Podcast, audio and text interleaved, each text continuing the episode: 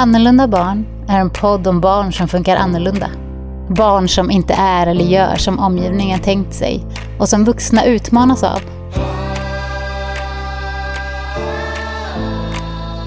Den här podden är för dig som träffar de här barnen. Kanske är det dina egna, kanske är det andras. Oavsett så finns det sätt att tänka på och saker som kan vara bra att veta eller påminna sig om som gör både din egen och barnens tid här på jorden lite enklare att hantera.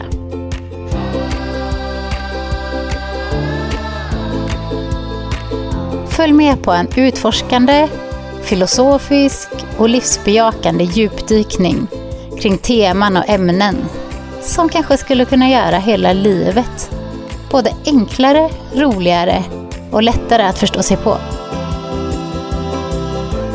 Välkommen till Annorlunda barn.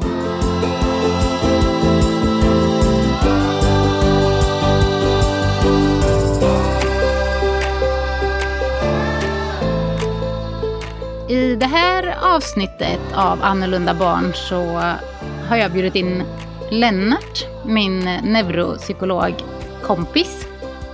Och vi tänkte dela med oss av ett av våra samtal. Vi har haft ganska många vid det här laget känns det som. Men jag tänkte att du, vi börjar med att du får presentera dig. Mm. Jag heter då Lennart Evaldsson och jag jobbar som psykolog. Eh, för närvarande jobbar jag på Psykologforum i Uddevalla. Jag har varit psykolog eh, ganska länge, 20 eh, år har jag varit nu och jobbat med funktionsvariationer ungefär lika länge. Så det är en väldigt kort presentation om vad jag jobbar som i alla fall.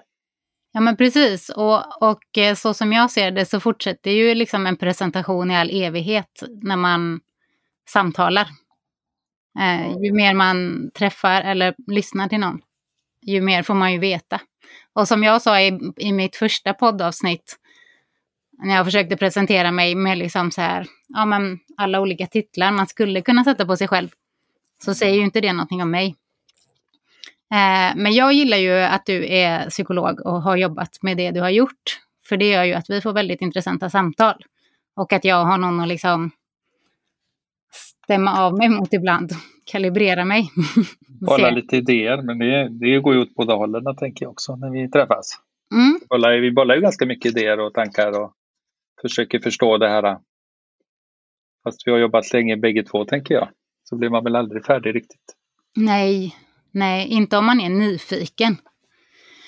Um, men och idag när vi pratade om vad vi skulle prata om så finns det ju uh, hur mycket olika områden som helst. Men på något sätt så landade vi i att um, det finns ju ändå en grund på något sätt i alla samtal och alla behandlande möten eller förändring, alltså i allting som innefattar kanske ett möte i någon form mellan alla typer av människor så landar man ju ner i det här med relation. Och på något sätt i samtalet i, i någonting som har med lyssnande att göra. Så där tänkte vi att vi skulle röra oss idag. Kring relationer och lyssnande. Och då på något sätt i, i sammanhanget, ja men kanske när man träffar barn som, som har någon form av variation eller vad vi nu ska säga. Alla har ju det på sätt och vis, men mer eller mindre. Mm. Ja, men, och, och då tänker jag så här, relation, det är ju ett stort begrepp. Men, men i den här relationen där man liksom har olika roller. Eh, jag har ju en roll när jag träffar barn och du har en roll när du träffar barn och föräldrar. Får vi inte glömma. Liksom, hur, hur ser du på det här med, med relationer i ditt jobb? Ja, för jag har ju mera kanske en behandlande roll. En, en professionell roll kan man ju säga också. Eh, som är ofta ganska skönt för de som kommer till mig också för vi har inga, vi har inga andra band kan man säga. Utan det blir ju det som händer i rummet eller den, det samtalet som vi har stannar ju eh, mellan oss. Mm. Så det är också rätt skönt att ha en sån relation där man bara kan ja, få säga det man tycker och tänker och sen händer det inte så jättemycket kanske utanför. Man inte bestämmer att det ska hända någonting utanför rummet så att säga. Det blir ju en väldigt speciell relation. Eh, och där är ju viktigt för min del eh, och det är ju lyssnandet. Och det aktiva lyssnandet. Och det är väl någonting som man utvecklar över tid. Eh, också just att få till ett lyssnande som, som är genuint och äkta. För man har ju väldigt mycket fördomar om saker och ting. Uh, och det gäller att få igång den här nyfikenheten. Och ibland när man har träffat kanske många där, där det har varit ganska liknande problematik så kan man ju också gå bort sig i det. Så man slutar att vara nyfiken och, så, och då slutar man ganska fort att lyssna. Ja precis, man tänker att man redan vet vad som kommer komma för jag har hört det förut. Ja, precis. Och lite att hjärnan också förbereder sig på det. Det blir lättare då. Nu kommer det här att komma och sen kommer det här att komma. Men då missar man ju också väldigt mycket information om vad, det, vad de faktiskt säger och vad som faktiskt mm. förekommer. Man går lite in i någon sån här autopilotfas. Ja. Och blir bekväm. Ja, precis. Det är faran. Och hålla igång den där nyfikenheten. Det är ju det är ganska eh, ska inte säga krävande, men det är ganska svårt. Man får vara lite uppfinningsrik så att säga och verkligen vara nyfiken på den personen som kommer för att det ska fungera. Mm. Kan man, tror du att man kan eh, fejka nyfikenhet? Det kan man nog. Men inte på något bra sätt. Nej, inte genuin nyfikenhet kan man nog inte fejka tror jag. Antingen är man nog en nyfiken person. Jag tror både du och jag är väldigt nyfikna av oss. Ja, det verkar så. Mm. Eller så glömmer vi väldigt fort så vi kommer inte ihåg från ena gången till nästa gång. Nej, precis. Det kanske är att man liksom all, varje situation är ny. Man är lite som en guldfisk. Ja. Eh, och då, då blir man ju nyfiken. Det här har jag inte varit med om förut. Det här har jag inte sett förut. För jag är ju det. Alltså varje gång jag ska träffa ett nytt barn eller en ungdom, absolut föräldrar och så också, men helt ärligt så är jag nästan mest nyfikna på, nyfiken på den mindre personen. Så jag kan ju liksom nästan alltså vakna på morgonen och vara lite extra upprymd för att jag ska få träffa en ny person idag. Mm. Och vem är det här liksom? Vad är det för, vad finns det? Ja, vad är det för liv i den här personen liksom? Vad är det för tankar och intressen och liksom, ja, det är som att man, det är lite för mig som att få träffa en annan värld. Och då finns det ju jättemycket där liksom. Och om jag inte är öppen och lyssnar, då missar jag ju hela den världen. Och det, ja, då missar jag ju hela syftet. Ja, precis. Och jag, jag funderar också på det här just med... Jag vet att du har pratat, du, du har inte, du, vi har inte riktigt samma ord du och jag. Ja, men det är väl bra. Eh, ja. jag pratar mycket när jag tänker kring det här just med Eh, att vara nyfiken och sätta sig in i, hur en annan tänker. Det är, det är lite grann det som jag kallar för mentalisering. Alltså det är att förstå att andra har en egen värld och egna tankar. Mm. Som inte är mina tankar och det är den världen som man är väldigt nyfiken på. Eh, men det krävs ju också lite att, att eh, i mötet, tänker jag, på vems planhalva befinner man sig? Vilken planhalva vill man vara på? Ska man bara vara i deras tankevärld? Eh, eller ska de komma över lite i min tankevärld? Just som behandlare tänker jag att det är viktigt att kunna gå från deras tankevärld och att de ska kunna gå in lite i min tankevärld. Och det ser vi ju med en del med, med funktionsvariationer, att det är väldigt svårt att flytta sig från ena tankevärlden till andra tankevärlden. Och jag vet inte hur du gör, men jag brukar ju alltid börja i den andras tankevärld. För det är man ju mest nyfiken på. Ja, verkligen. Jo, alltså jag, jag brukar nog reflektera ganska mycket kanske. Alltså i början så tänker jag att det handlar väldigt mycket om att lyssna för annars så vet jag ju inte vem jag ska möta. Jag gillar ju, det finns en, en dikt av Sören Kierkegaard som handlar om att man ska möta en annan människa där man är. Jag ska inte läsa mm. den dikten nu. Den kan man ju hitta på nätet. Men den har jag liksom haft med mig genom större delen, skulle jag nog säga. Eh, att om man vill hjälpa en annan människa då måste man liksom gå dit där den är först. Ja. Och om jag har massa liksom, föreställningar som lägger sig emellan där. Att jag till exempel sätter mig väldigt mycket högre än den andra personen, då blir det ju en distans där liksom. Och så ska den på något sätt komma till mig. Ja, just det. Då kommer vi kanske inte någonstans. Så jag måste ju på något sätt gå dit och jag gör ju det liksom både fysiskt genom att åka hem. eh, och eh, om, om det är så att ett barn spelar till exempel, då kanske jag frågar om jag får vara med och titta. Så att man liksom möts. Jag försöker möta, möta där de är och oftast så går det. Eh, du träffar ju inte hem, du åker ju inte hem på samma sätt. Du är en annan plats. Ja, precis. De kommer, ju oftast, de kommer ju oftast till mig. Uh, när jag pratar med föräldrar så då gäller det ju att prata om vad som händer egentligen i hemmet ganska mm. mycket. Mm. Så när vi gör utredningar här eller träffar för att göra utredningar så vill jag, jag är ju jättenyfiken på hur det funkar, hur det faktiskt funkar mm. i hemmet. Hur går en morgon till? Hur ser det ut hemma? Vad gör man? Vad är det som fungerar? Vad är det som kan bli svårt? Uh, det är jag jättenyfiken på. Och det är också kanske att ta, ta sig hem fast inte vara hemma hos dem fysiskt. Ja, men precis. Men... Och för det tänker jag också, alltså, eller liksom hur mycket tänker du på det här med relation? För jag tänker relation och trygghet på något sätt. Mm. Um, för att Alltså, jag menar både, både jag och du har ju kanske en typ av jobb där man nästan kryper under skinnet på folk. Alltså man kommer så himla nära för att man pratar, alltså det här med, med att vara förälder och eh, relationen mellan barn och föräldrar. Det berör ju väldigt mycket känslomässigt, tänker jag. Ja. Och jag tror att jag pratade om det, eller det gjorde jag ju, i förra avsnittet, om det här med liksom program som vi får med oss från när vi själva är barn och som sen påverkar oss som föräldrar. Um, och jag tror att det liksom, det ligger mycket, liksom, det, dels de här programmen, men, men det, det är känsligt för att det finns så mycket risk för liksom misslyckande i och med alla de här bilderna av hur det ska se ut och vad som är rätt och vad som är fel. Och, och liksom, det finns ju ganska mycket lager kring det.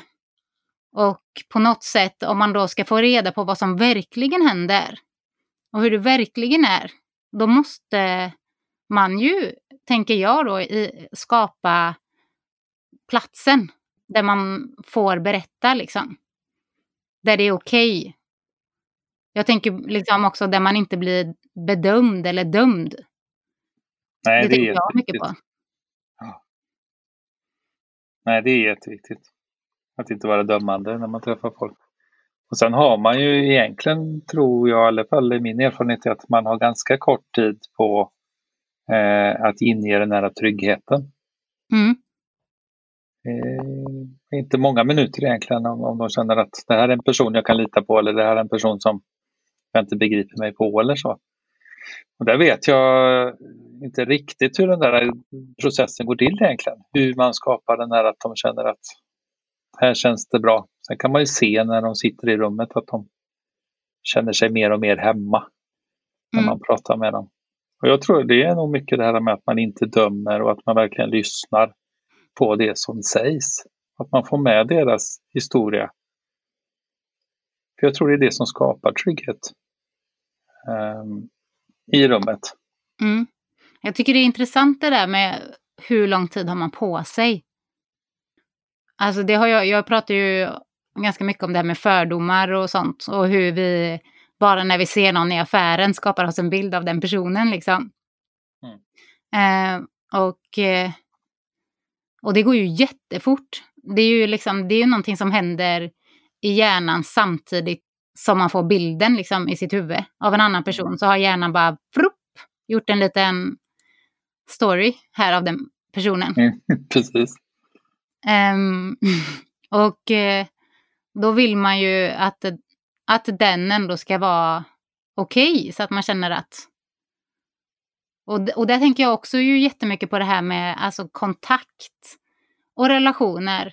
När man får en nära kontakt eller en förtroendefull kontakt eller en intresserad kontakt eller vad man nu, eller en kontakt överhuvudtaget. Mm. vissa personer får man ju det till. Bara automatiskt. På något sätt. Det, alltså ifrån mitt perspektiv, eller när jag har tittat på det, så är det mer som att jag upptäcker kontakter. Eh, och så på vissa ställen finns de och på vissa finns de inte. Liksom. Och här, oj, den här kontakten såg ut så. Eller om man går in i ett rum och med ett gäng nya människor så kan man ju märka att här kände jag en kontakt till den här personen. Där kände jag ett motstånd. Liksom. Där kände jag det här. Det är som att de här vägarna på något sätt finns och så upptäcker jag dem. Och det tänker jag ju också på i, alltså, hur mycket av det finns redan och hur mycket kan man påverka? Mm. Jag tror att man kan påverka väldigt mycket kontakterna. Mm. Faktiskt. Bara det att man iakttar om någon är lite avvaktande.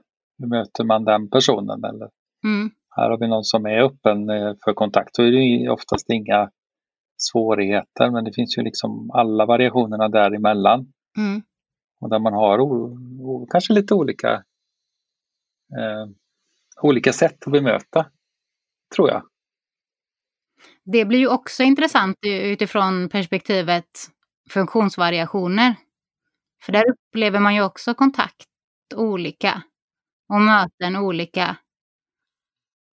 Och där är ju lyssnandet ännu mer viktigt kan jag tycka. Mm. Också att om jag träffar någon som har just svårt med mentalisering då till exempelvis och sätta sig in i min tankevärld så är det självklart att jag är där de är och lyssnar jättemycket. Och det kanske jag måste göra väldigt länge. Alltså många, många samtal vi behöver för att jag ska kunna förstå hur den personen tänker. Mm. Och det är ju det jag tycker är jätteroligt, det är ju det här att lista ut hur tänker den här personen, vad försöker den lösa för problem i vardagen och eh, oftast har ju de flesta barn massor med strategier eh, som vi inte ser kanske alltid som strategier. De kanske inte är de bästa strategierna här i världen, men det är de strategierna de har för att slippa undan saker. Mm. Kanske inte jättebra att bli arg och springa utifrån en lektion, men det kanske löser någonting också. Det gör ju det. Alltså någonting löser det ju. Och eh, för det som jag tycker, det är ju också så här, det kan, det kan ju hända att det fanns några strategier innan dess också som vi inte heller eh, la märke till för att vi inte lyssnade. Och ibland ändrar vi strategierna också. Om man har ett barn som kanske blir argt så säger man att nej, det får inte bli argt. Nej, då svär det istället och så säger ni får absolut inte svära. Så man, ibland tar man bort strategierna från barnen och så har de liksom inte så mycket kvar till slut. Hur ska man då göra för att ta sig ur den här situationen? Ja, för där tänker jag på den här relationen att jag tänker ju att ett beteende alltid har sin orsak i ett behov. Eller en, alltså en mm. känsla är ju, om man säger, det är ju ett, uttryck, en, ett uttryck av ett behov, skulle man kanske kunna säga. Mm. Um, och, då, och sen, så det, kom, det finns ett grundläggande behov eller ett underliggande behov. Och kopplat till det behovet så uppstår det en känsla. Att till exempel om behovet är att känna sig lyssnad på och så, ja, och så känner man sig inte lyssnad på då uppstår det liksom den här känslan, hur ska jag... Alltså då, då ökar behovet. Och då måste jag ju agera på ett sätt så att jag får det där lyssnandet. Mm. Och ju, min, ju mindre mina strategier där funkar på något sätt, ju, ju kraftfullare strategier behöver jag använda. Precis. Ju mer ehm, känsla um, till slut blir det kanske att och, och sen försöker man ju skydda sig. Alltså många barn beskriver ju det att ja, men jag sprang ut ur klassrummet men det var ju för att jag ville inte slänga den där bänken eller slå min fröken så jag sprang ut liksom. Ja, det. Då var ju det väldigt bra gjort. Men om man inte förstod vad alternativet var så kan man ju tänka, ja fast du hade ju också bara kunnat säga vad det var. De kanske har försökt det men vi lyssnade inte. Eller så kunde de inte. Nej. uttrycka sig. För det är ju inte själv, det är ju inte liksom jättelätt. Nej, ibland går det för fort och känslan blir för stor. Då hinner man inte, tänker jag. Nej, jag tycker det, nej, och det är jätteviktigt att, att, att tänka det och ha, ha det i bakhuvudet att alla beteenden har någon slags funktion och utgår ifrån något behov som man har. Um, och sen gäller det att hitta den där då. Vad är funktionen för det här beteendet som barnet gör? Mm. Man... Det är ju oftast logiskt. Det är ju så. Ja, så kan man, kan man då byta ut det istället för att ta bort det? För som du var inne på, om jag tar bort då ett, om jag säger så här får du inte göra, eller du får inte säga, du får inte bli arg. Mm. Och då, då svär jag istället. Alltså jag måste ju ha den där, jag kan inte lämna ett tomt hål där liksom. Det är lite som när man pratar om, alltså jag tänker om man har funktionsnedsättningar som gör att man kanske lättare behöver, det finns ju de som kanske biter väldigt mycket på naglarna eller slår sig själva i huvudet eller att man har sådana här upprepa, upprepningar liksom som man håller på med. Och om man då liksom löser det, det låter, nu låter det ju väldigt drastiskt, men det är ju inte så att inte drastiska åtgärder förekommer. Men säg att du har en, någon som liksom hela tiden sitter och pillar bort skinn eller så, och så löser du det genom att liksom fästa armarna så att man inte kommer åt att göra det. Mm, mm. Då försvinner ju inte behovet. Alltså Nej. lösningen, de hade en lösning på någonting. Så då kanske man istället börjar slå huvudet i väggen eller mm. då måste man ju hitta på ett annat sätt att liksom hantera den här inre känslan eller vad det nu är som man har hittat en strategi för. Ja, precis. Och där är det ju alltid bättre att lägga till beteenden, precis som du säger, och hitta andra lösningar och hjälpa barnen med de här nya lösningarna, för då har de ju flera sätt också. Mm. Sen kanske, ja, om det nu var att pilla eller om det är att svära eller vad det är, kanske inte det bästa lösningen. Men kan man hitta något annat sätt eh, så gäller det att lägga till och inte ta bort, tänker jag. Det är jätteviktigt. Och förstå varför kanske vad har det för funktion som du var inne på? Ja, precis. Sen också ha alternativa, för vi har alltid, och det handlar väl om mentalisering, att vi liksom sätter oss snabbt in i hur den andra tänker. Med våra fördomar också. Att ibland är den här funktionen, eller vi tänker att det beror på att han vill ha uppmärksamhet. Mm. Och det kanske inte är det bästa att tänka. Det kanske finns andra alternativa eh, saker man kan tänka att det beror på. Tolkningar inte, liksom? Tolkningar ja, så att man inte fastnar på sin första tolkning. Utan faktiskt kanske kan skriva en liten lista på sina tolkningar. Det kanske beror på någonting helt annat. Ja, precis. Var lade jag in... Vilket fack lade jag in det här beteendet i liksom? För beroende på vilket fack jag lägger in det också så har ju jag mina egna beteenden, vad jag hittar på. Mm. Om jag tror att det är Ja, det är bara för att han kräver uppmärksamhet. Hur beter jag mig med barn som bara kräver uppmärksamhet? Då kanske jag är ett sätt. Eller han är bara ute för att jäklas med mig. Då har jag ju ett beteende. Och där tänker jag att om, alltså om utgår man från att någon ska jäklas med en, då har man ju tagit hela det där beteendet personligt. Ja, dessutom. Alltså alla de där tolkningarna, kom, de riskerar ju att komma från att man tar det personligt. Mm. Och sen så använder man sin egen referensram på något sätt och sina egna program för att tolka. Men en annans beteende kanske, alltså visst, det är ju klart att man måste räkna in sig själv i ekvationen. Om jag är liksom sur och irriterad på mina barn så påverkar jag ju dem. Och deras beteende kommer ju påverkas av mig.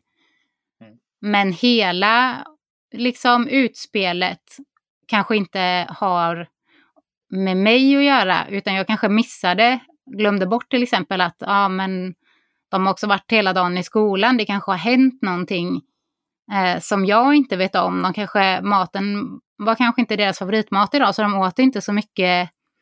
Det kan ju vara väldigt många delar som de har i sin referensram som inte alls har med mig att göra. Och så tar jag hela liksom paketet personligt och eh, tar man saker personligt så riskerar man ju med att agera utifrån någon form av försvar. Det är inte heller så konstigt. Och, man, och där behöver man ju tid också att tänka efter. Mm. För att kunna göra det här som du säger. Och det kanske beror på det här eller det kanske beror på det här. För då har man ju också fler valmöjligheter själv att reagera på. Kommer man på första bästa så, så blir det ju som ett, ja, vad kan man säga, samma spår hela tiden. När man jo. bara tar första. Men, och, men ibland kanske man inte vet då? Nej, så kan det ju också Vad vara. Vad göra då? Fast man har alltid en tanke om att man vet. Mm. Jag. För jag, så som jag ser det så är ju den där tanken eller tron på att jag vet någonting, den kommer ju i vägen för att jag ska kunna lyssna på en annan person, riktigt lyssna liksom. Mm. Om jag tror att jag vet massa saker mm. om den personen, då lägger ju det sig som ett filter framför det jag hör. Mm. Och så på, så jag, jag försöker ju alltid påminna mig om, och på något sätt så känns det som att jag har blivit ganska integrerat ändå, att jag vet faktiskt inte. Och då behöver jag inte reagera. Fast vad gör du då, då när du inte vet? Då lyssnar jag. Ja. För då blir jag nyfiken istället för att jag tror att jag vet och så agerar jag eller reagerar på den. Liksom. Så, alltså jag menar, har man en dålig dag eller är stressad eller pressad själv, då är man ju sämre på det. Men då, är det, då har det ju fortfarande med mig att göra. Mm. Men om jag vet att jag inte har någon aning, då, då blir det ju istället, oj vad händer nu? Nu har jag ju missat något här liksom. Kan jag förstå det här på något sätt? Klarar du av att hjälpa mig med det nu? Nej. Vad behöver du av mig nu för att liksom komma ner, bli lugn igen eller? För, för of, alltså när det blir ett problem så är det ju oftast för att det är starka reaktioner. Mm. Annars så är det ju inte ett problem för dem runt omkring, då är det ju bara ett problem för den som har känslan. Och då riskerar man ju att inte bli lyssnad på av den anledningen. Att jag inte hade ett problem med dig. Eh, för att du mådde liksom, du lyckades dölja, dölja det som var jobbigt. Det är väl därför som jag tänker tjejer med ADHD till exempel blir diagnostiserade mycket tidigare för att de är inte ett problem för sin omgivning i lika stor utsträckning. Nej, um, precis. För att de har inte ja utagerande på samma sätt. Och då ja, har man inte lyssnat och sett då, då, har man ju, då missar man det ju. Medan någon mm. som exploderar tio gånger om dagen är lite svår att undgå. Men insidan kanske är ganska lik. Precis, precis. Och det där är också spännande tänker jag just med, med, med tjejerna där. Eh, som man upptäcker så mycket senare också. För de hittar ju också strategier hela tiden. Så det, är inte så, det är inte så lätt, tror jag, för omgivningen kanske att se det heller. Om man inte eh, har träffat många och är observant. Men... För de lever ju också i sin värld, så att säga, där det är fullständigt normalt att vara som, som de är. Mm. Jo, det är det ju. Men, Förstås. Men mm. tror du inte att det också kommer in det här med relation där någonstans? Mm. Jag tänker relation tar tid att bygga upp. Om man nu tänker på de här tjejerna också, om man tänker på skolan eller så. Det tar tid att bygga relationer och det tar tid att vara i relationer. Och den, den tar man kanske inte alltid hänsyn till att det tar rätt mycket tid. Att bygga det här, eller ha det här relationsbyggandet och att, att eh, fråga efter hur eleverna har det eller eh, hur det är. Eller hemma, det måste inte vara i skolan. Alla relationer tänker jag. Men du har ju bara några minuter på dig att skapa den där relationen. Mm. Men sen att bygga relationen då. Jag tänker, som, eh, jag tänker kanske mer som i skolan just med det här att eh, om du har 30 elever och är lärare, hur många minuter hinner du med varje barn? Mm. För det handlar ju också, eh, så lyssna tar ju också tid.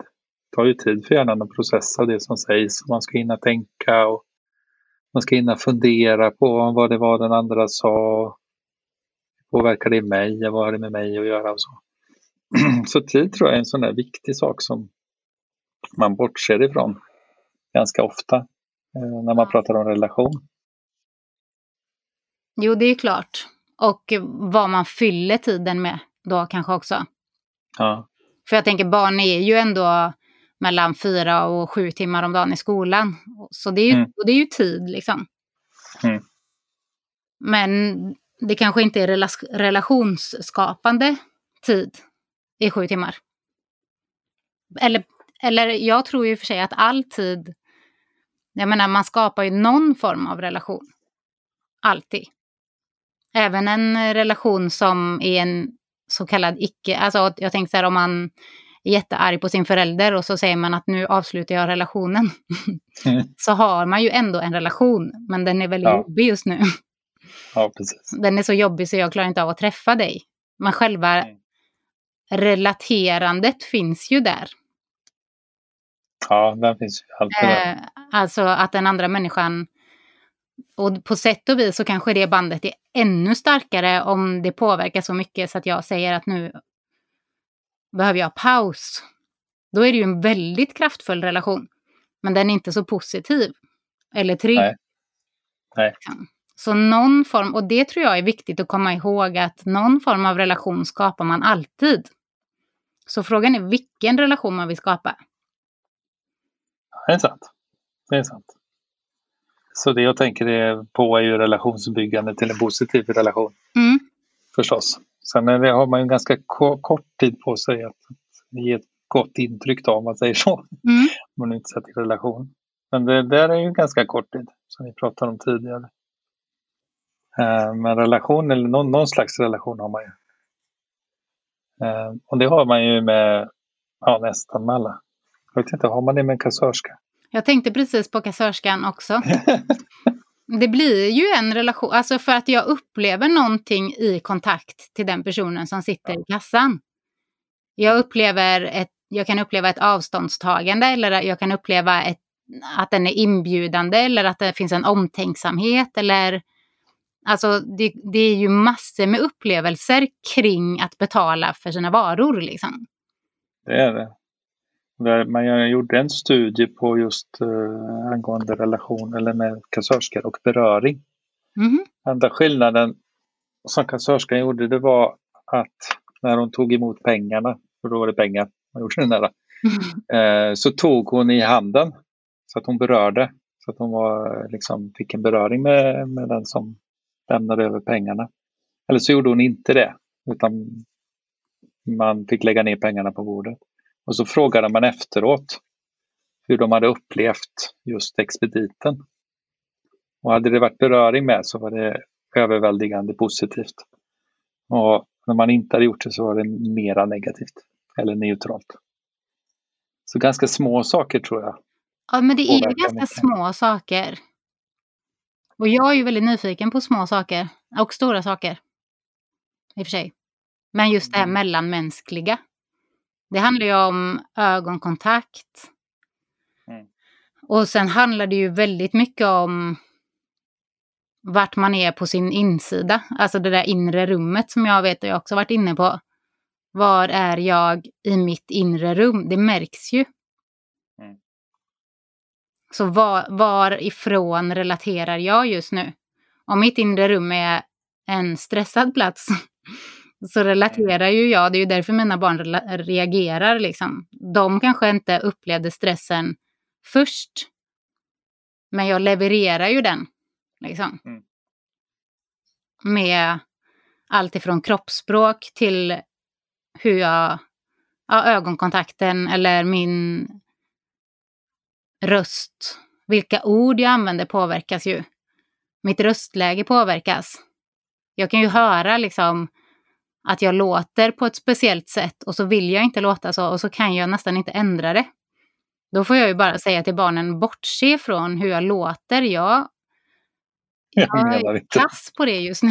liksom. ja, men affekt smittar ju en sån sak. Ja. Mm. Och det, precis.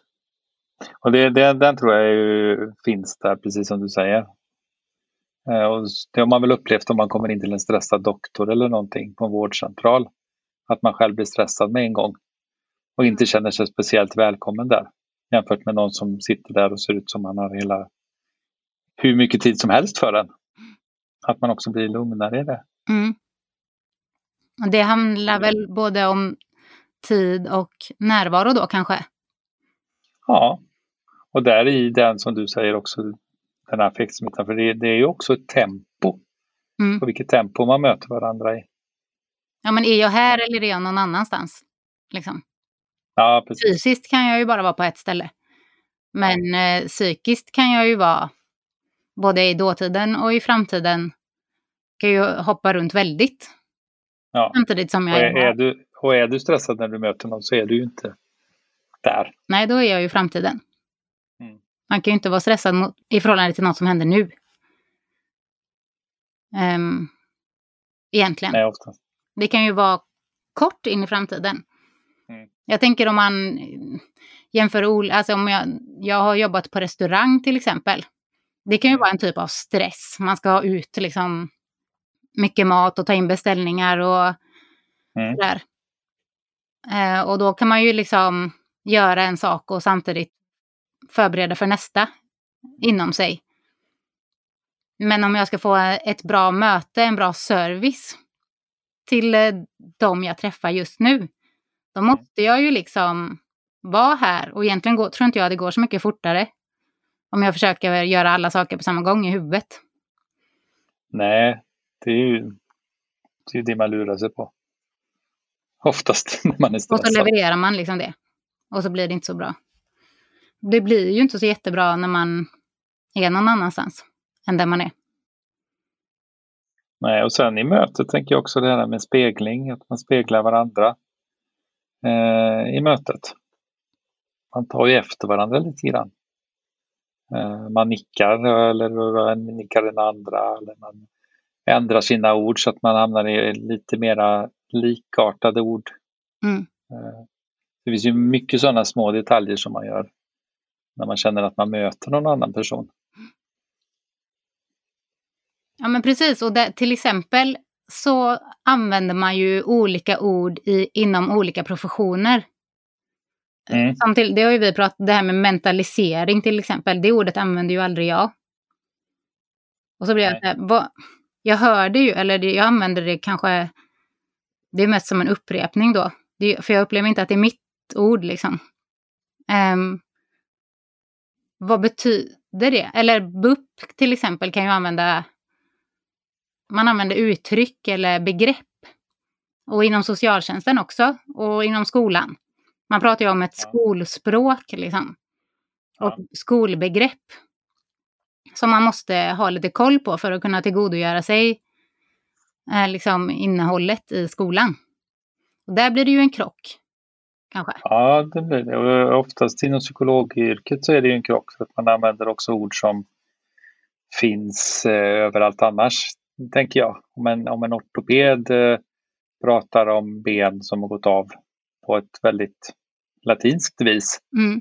så finns inte det ute i samhället. Men om man säger att Kalle har ångest så betyder ju oftast det kanske lite olika saker för en psykolog som har ägnat väldigt mycket tid och läst massa forskning. Men någon annan säger det. Eller koncentration eller uppmärksamhet och sådana saker.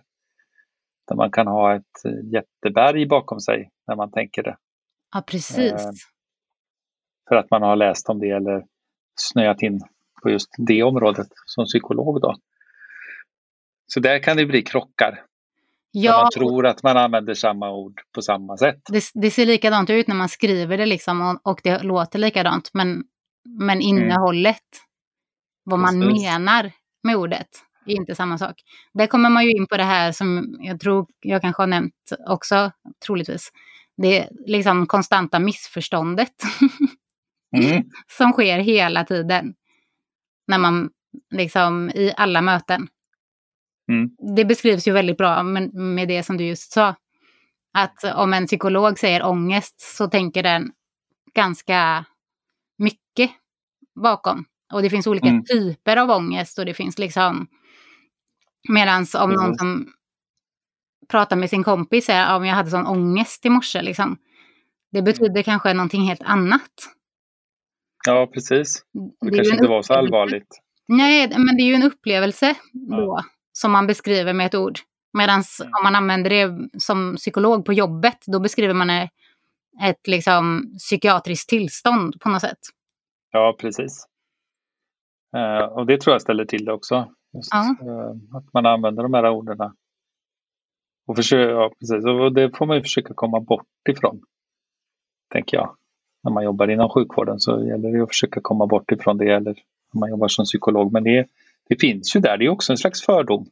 Mm. Själva som är inbakat i orden i sig.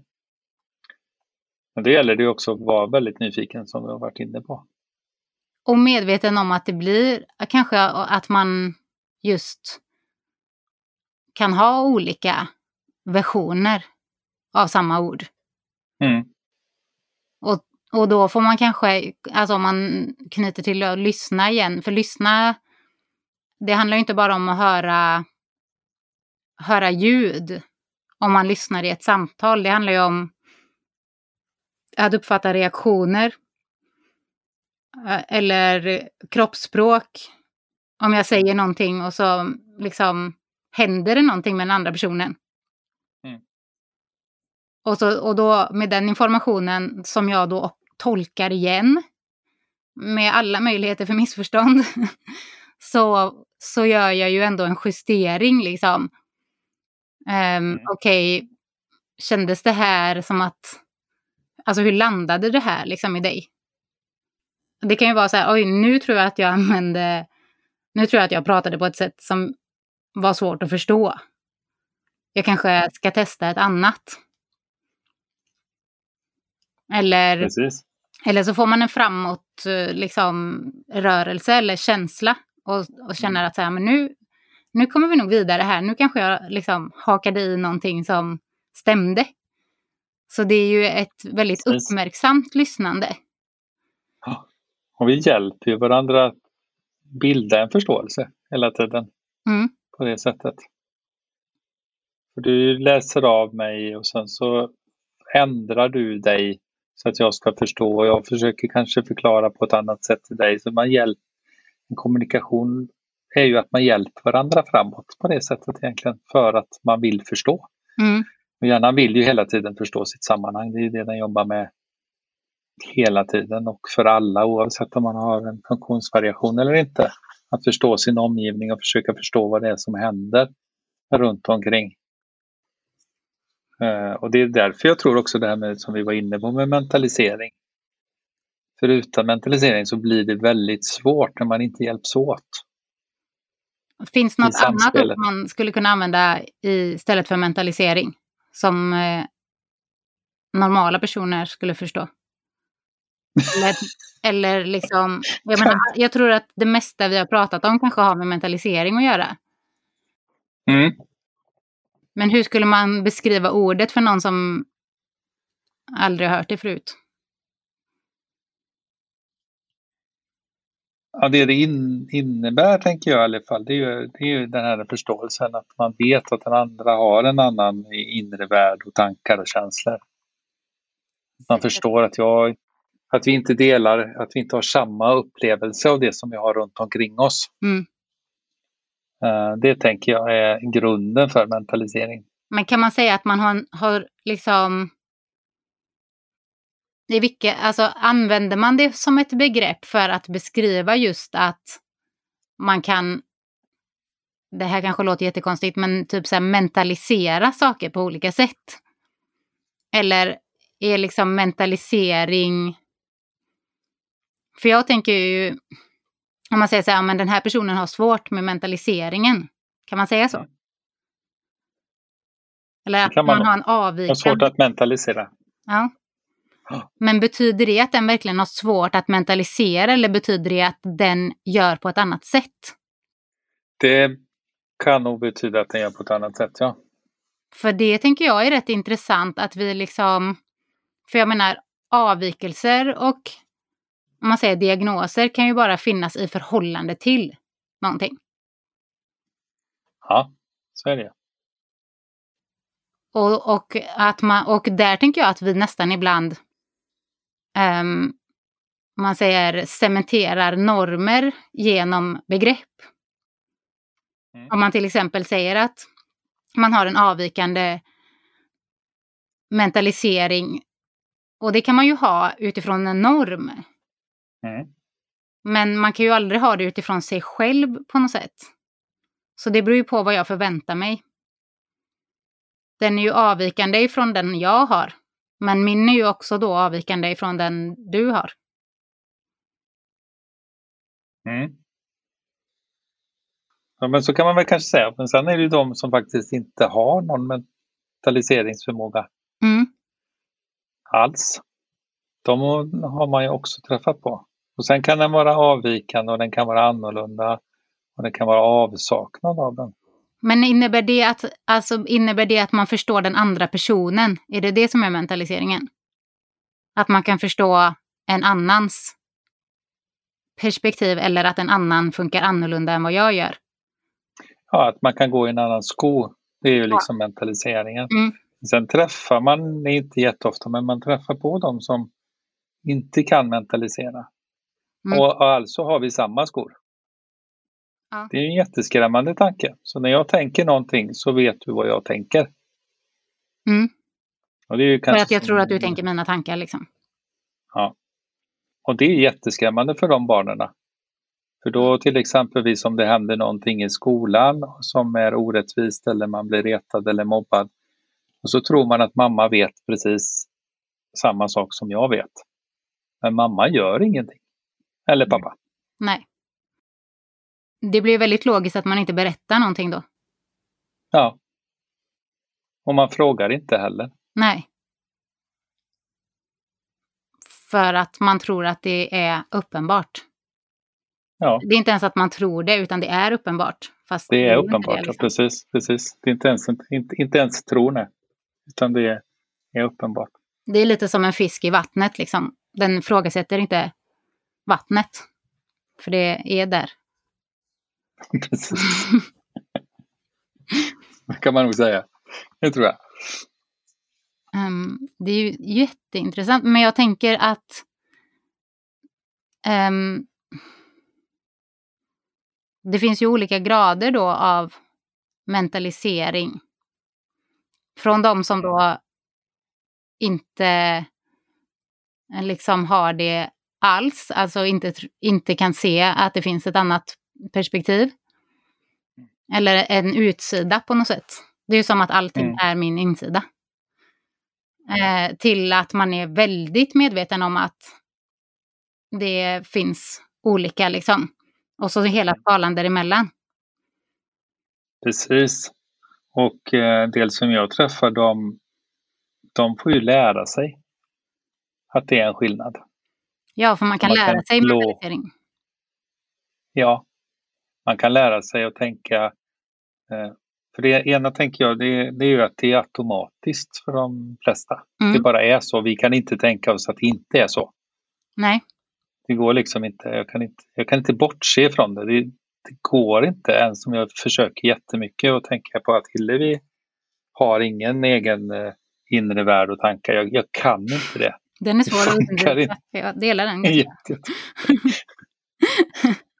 så det går ju inte.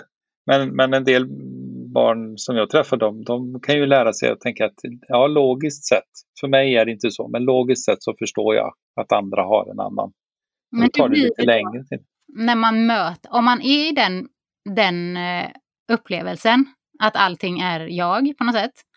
Mm. Hur blir det när man möter, hur blir det när jag berättar någonting som den inte har varit med om till exempel? Vilket, det blir konstigt. Inte du, för du har ju inte den. Men, men, men du kanske Du får har, fråga. Men du kanske ja, det skulle jag ju göra. Men den kanske inte skulle kunna svara på det. Um, men jag brukar fråga ganska nyfikna frågor utifrån, mm. alltså utifrån just att jag eh, försöker förstå. Och eh, jag eh, kommer ju aldrig kunna göra det helt fullt ut liksom. Även om du Nej. och jag kan ha ett samtal som låter som att vi ändå är, ja, men pratar om samma sak. Mm. Så har jag ju ingen aning om hur det är att vara du. Nej. Jag kan komma liksom lite närmare kanske, men jag kommer ju aldrig komma hela vägen fram. Och det har jag ju väldigt stor respekt för. Ja, precis. Det är ju som en kille som jag träffade som hade just svårt med, med mentalisering och så försökte förklara hur, hur jag tänkte och hur det blir. Uh, och så sa jag, men du gissar ju bara. Ja, det mm. gör jag väl ja. kanske. Men jag är rätt duktig på att gissa. Och jag tänker inte att jag gissar hur Hillevi har det. Men det är ju det jag gör. Ja, han hade rätt. Hela tiden. Han hade rätt, ja. Mm. Väldigt klarsynt. Och det upplever jag väldigt ofta med de barnen jag träffar, eller ungdomarna. Att liksom de, kan, de är på sätt och vis väldigt ofta klarsynta på mm. den typen av sätt. Det kanske för vi på något sätt när man har en mentalisering som är, man säger, ganska bra. Då, utgår, alltså då litar man ju väldigt mycket på den också. Ja. Det kan ju också bli en fallgrop. Att jag tänker att jag är rätt bra på att förstå andra människor liksom då, då, alltså ju bättre jag tror att jag är på att förstå en annan, ju mindre utrymme för den andra kanske det finns. Mm. Nu blev jag filosofisk. Kanske. Ja, men, för då slutar du vara nyfiken också. Ja. Eftersom du redan vet. Och det innebär ju att min mentaliseringsförmåga går ner. Yes. Med mitt på något sätt uppbyggda, med min uppbyggda självbild. Och nu kommer jag säga någonting som kanske låter som att det krockar totalt med det jag precis sa. Att jag, för jag upplever, men det kanske stämmer då, att jag har tränat upp min mentaliseringsförmåga med hjälp av nyfikenhet. Mm. Eh, och såklart också med hjälp av alla möten jag har haft. Där man liksom, är man öppen och, och nyfiken och lyssnar så får man ju eh, liksom, som jag brukar säga, platsen på insidan får mer utrymme. Det är som att, aha, kan man uppleva det så också? Mm. Lite som när jag pratade med Jonathan och han beskrev hur hans dyslexi var. Att det blir inget ljud till bokstäverna. Det var som att liksom hjärnan bara... Ja, det känns som att den, den, det blir en avslappning, fast det är som att det blir mer plats. Liksom. Att man bara, mm. okej. Okay. Jag kan inte hitta den erfarenheten i mig själv. För att eh, det är en helt annan upplevelse liksom. Men jag, först, jag kan förstå att någon kan ha en upplevelse som skiljer sig så mycket från min. Då är det som att platsen ökar. Och det tycker jag väldigt mycket om. Kanske därför som jag fortsätter att vara så nyfiken, för att jag får liksom ett behov tillfredsställt.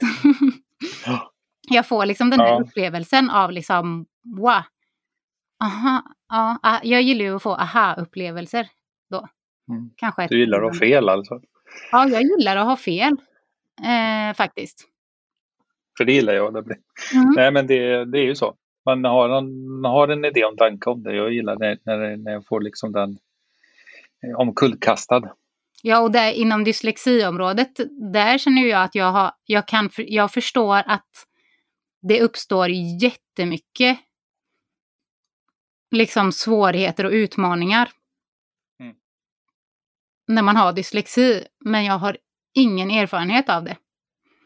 Så jag kan liksom inte förstå hur det är. Jag kan, men nu, nu kan jag ju förstå att det perspektivet som han beskrev och, och, han beskrev också sin syster. Då kan jag ju så här, ja där har jag två exempel som på något sätt har blivit mina. Mm. Fast med min tolkning då. Ja, just det. Um, men de har liksom integrerats i min förståelseförmåga. Men sen finns det ju massa andra saker också då.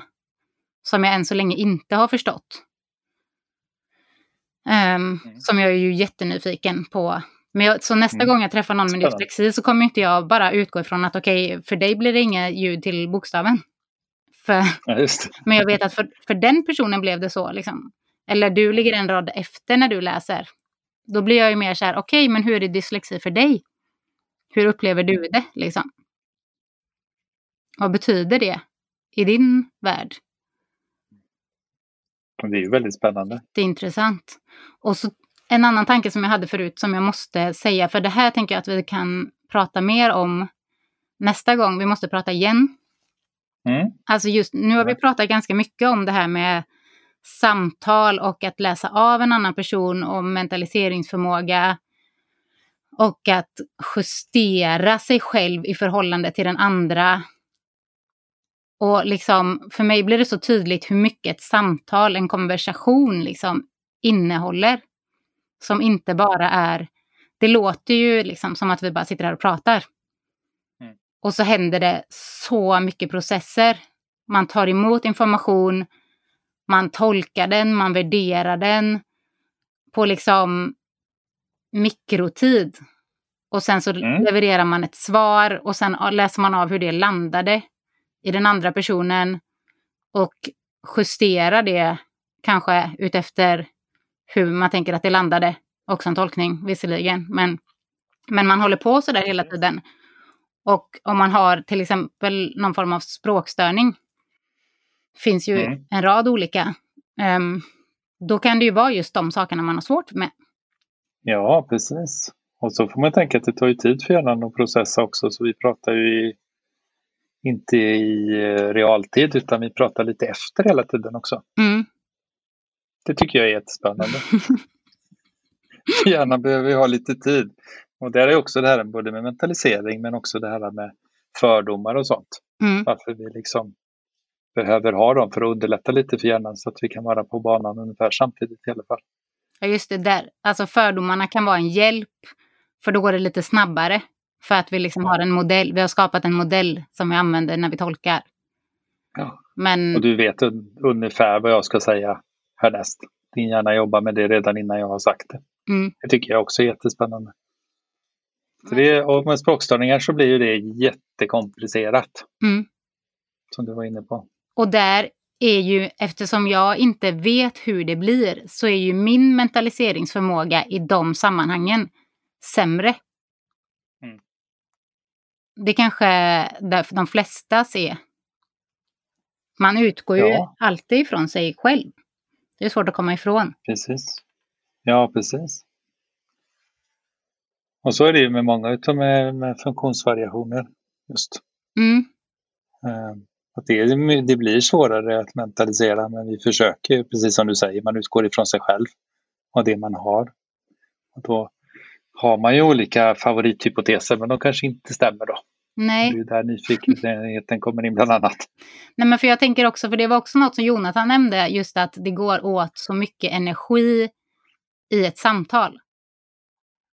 Mm. Och ett samtal, alltså om jag träffar ett barn och pratar med det, nu jobbar jag ju inte i skolan, men i tio minuter så tänker jag kanske inte på hur mycket energi det går åt för det här barnet att förstå en instruktion, liksom lyssna på en genomgång i tio minuter. Det är ganska mycket som händer där. Eller att ha liksom bara konversationen när man möts och jag säger, eller läraren, eller liksom så här, jaha, god morgon, hur var det imorgon? Det där chitchattet liksom. Mm, mm. Och så glömmer man bort att nu händer allt det här, liksom. Tolkningar, fördomar, liksom försöka läsa av massa processer.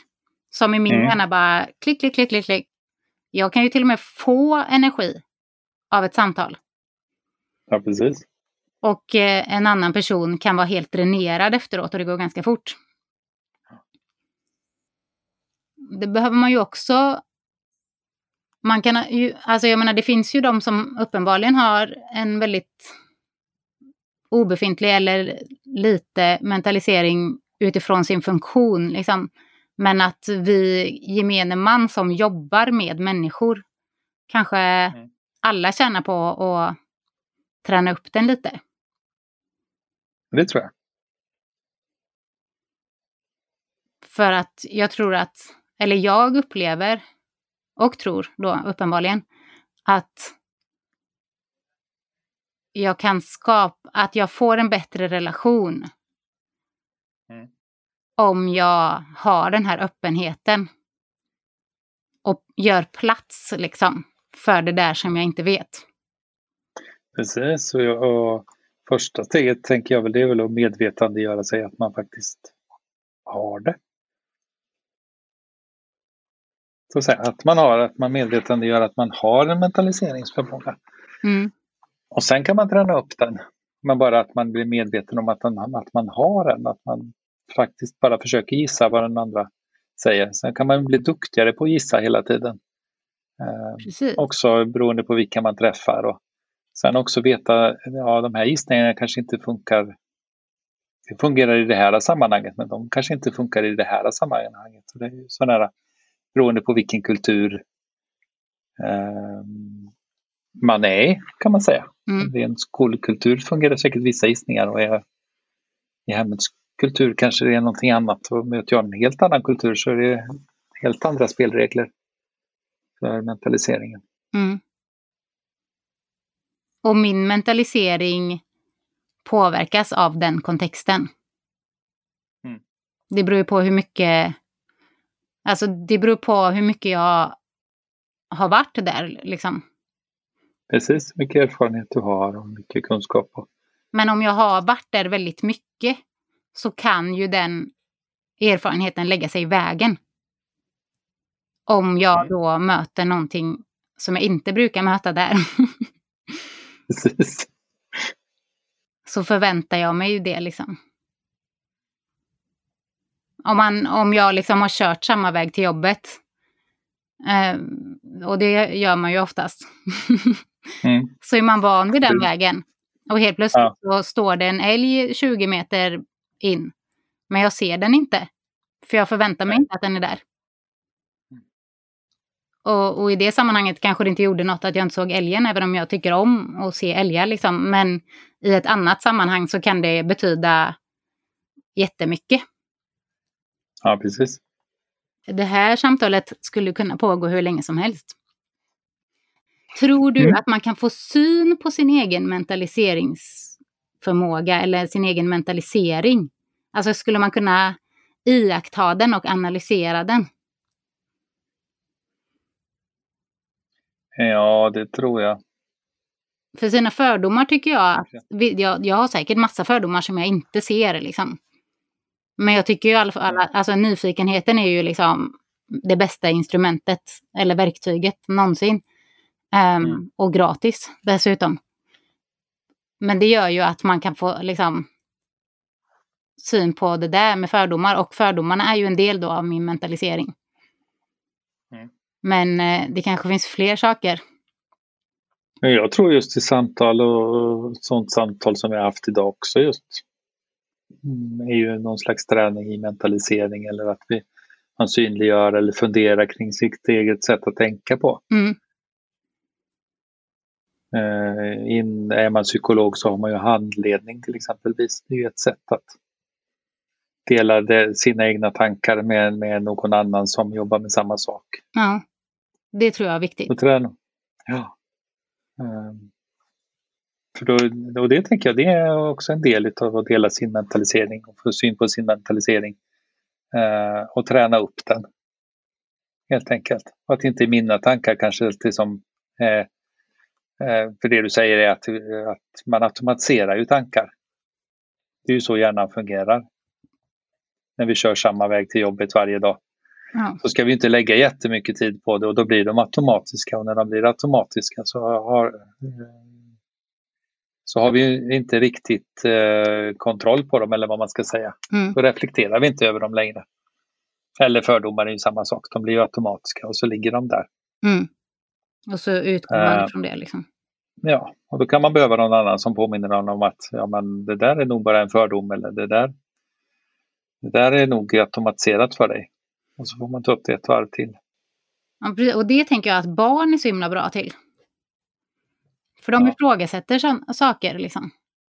Och de Precis. säger varför ganska ofta. Mm. Och det är ju någonting som vi kan bli lite provocerade av som vuxna kanske. Det där, varför då, varför då, varför då? Men jag tänker att det är skitbra att de gör så. Mm. För att det är en väldigt relevant fråga. ja, precis. Som vi kanske ska ställa oss lite oftare. För varje gång man frågar varför då så kommer man liksom lite djupare. Men om man har väldigt bråttom och vill gå och diska istället, då kommer man inte så djupt. Då säger man nu får du sluta liksom. Ja, precis. Men, eh, men annars så är det ju en av världens mest intressanta frågor liksom. Varför då? Och eh, viktigaste kanske. Varför säger du så? Varför gör du så? Ja, varför gör jag så egentligen? Vet jag ens det liksom?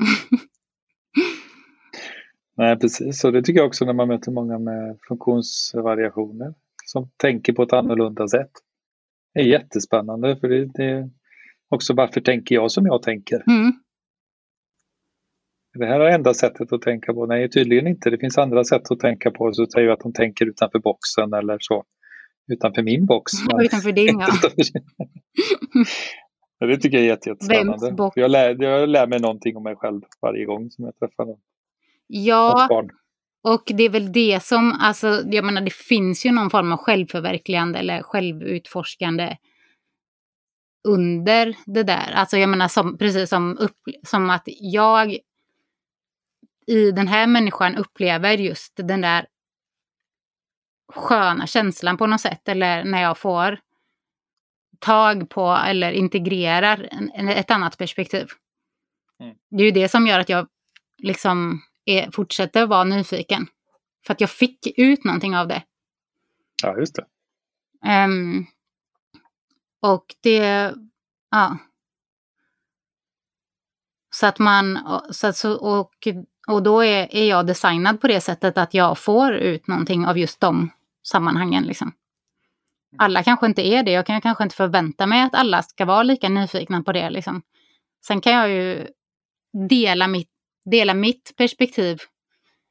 Och så kanske någon annan blir lite mer nyfiken, för jag tycker det är jätteviktigt och intressant och så.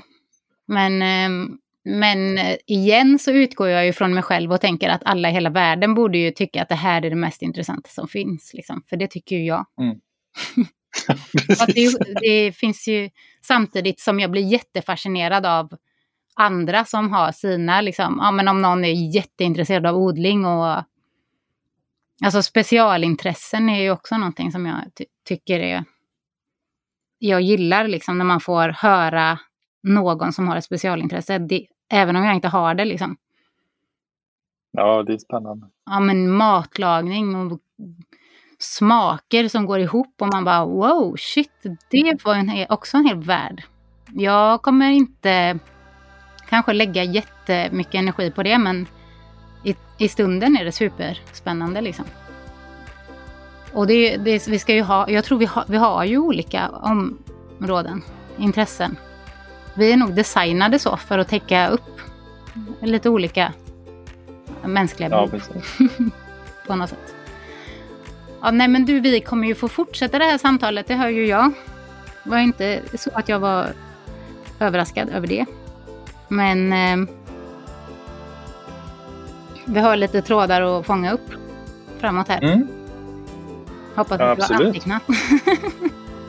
jag antecknar och antecknar. um, mm, så vi får helt enkelt uh, se till att uh, göra om detta. Jag vill prata mer om, om de här sakerna. Man kanske kan gå mer in på vissa diagnoser och sådär. Ja, det skulle vara spännande. Ja, det skulle vi kunna göra. Kul! Men ska vi nöja oss lite för idag då kanske? Nu har vi ja. pratat i drygt en timme här. Absolut. Ehm, då tackar vi för oss och så stänger jag av här. Det, Det var så bra.